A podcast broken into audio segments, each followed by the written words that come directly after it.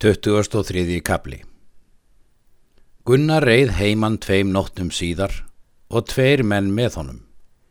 Þeir riðu þar til er þeir koma á bláskóa heiði.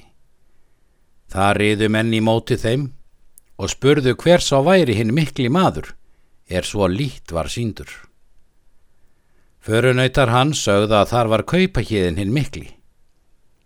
Þeir svöruðu. Egi er þar hins verra eftir vonir slíkur fer fyrir. Hjeðin let þegar sem hann myndi á þá ráða, en þó fóru kvorir sína leið. Gunnar fór með öllu sem fyrir hann var lagt og var á höskuldstöðum um nótt og fór þaðan ofan eftir dal og kom á næsta bæ hjá hrútstöðum. Þar let hann fallt smíðið og seldi þrjá smíðiskripi. Bóndi fann að ávarsmíðinu og kallaði fals í. Hjeðin réð þegar á bónda. Það var sagt trúti og sendi hann eftir hjeðni. Hann fór þegar á fund trúts og hafði þar góðar viðtökur. Skipaði hrútur honum gengt sér og fór orðtak þeirra sem njálka til. Þá sagði hrútur honum hversu uppskildi taka málið og stemdi fyrir málinu, en hann mælti eftir og stemdi ránt. Þá brosti hrútur og grunaði ekki. Þá mælti hann að hrútur skildi stefna í annað sinn. Svo gerði hrútur.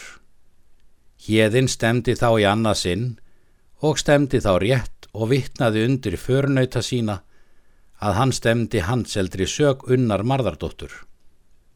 Hann fór til svepsum kveldið sem aðri menn.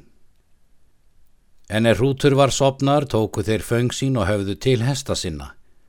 Ríða síðan yfir ána og svo fram hjarðarholtsmegin, þar til er þraut dalin og eru þar í fjöllunum, millum og haukadals og komu sér þar er eigi mátti finna þá, fyrir riðið væri að þeim. Söðlar þeirra og vopn höfðu varðveitt verið í smiðju svo að þeir máttu sjálfur út ná. Urðu því engir menn varir við brautferð þeirra.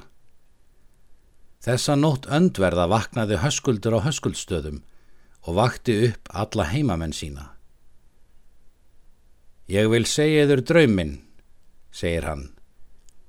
Ég þótti sjá bjardýri mikið ganga út úr húsonum og vissi ég að eigi fannst þessa dýr smaki og fylgdu því húnar tveir og vildu þeir vel dýrinu. Það stemdi til hrútstaða og gekk þar inn í húsin. Síðan vaknaði ég. Nú vil ég spyrja yður hvað þér sáuð til hins mikla manns. Eitt maður svaraði honum. Það sá ég að framundan ermi hans kom eitt gullað og raukt klæði, en á hinni hægri hendi hafði hann gull hring. Höskuldur mælti. Þetta er engismanns fylgja nema Gunnars frá hlýðarenda. Þykist ég nú sjá allt eftir og skuli við nú ríða á hrútstaði. Þeir gengu út allir og fóru á hrútstaði og drápu á dýr, en maður gekk út og lauk upp hörðinni. Þeir gengu þegar inn. Hrútur lág í lokrekju og spyr hverjir komnir eru. Höskuldur sagði til sín og spurði hvað þar væri gesta.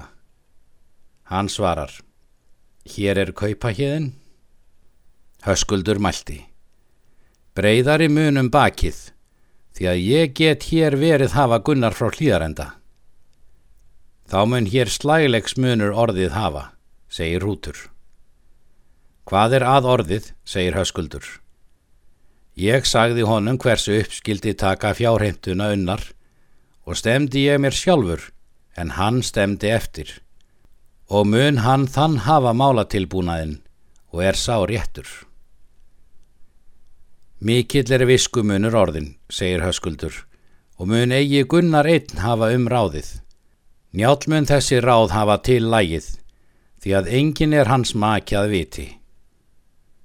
Þeir leita nú hérins og er hann allur í brautu. Þeir söpnuðu lið og leituðu þeirra þrjá daga og þrjár nætur og fundu þá eigi. Gunnar reið suður af fjallinu til Haukadals og fyrir austan skarð og norður til Holtavörðu heiðar og létti eigi fyrir hann kom heim.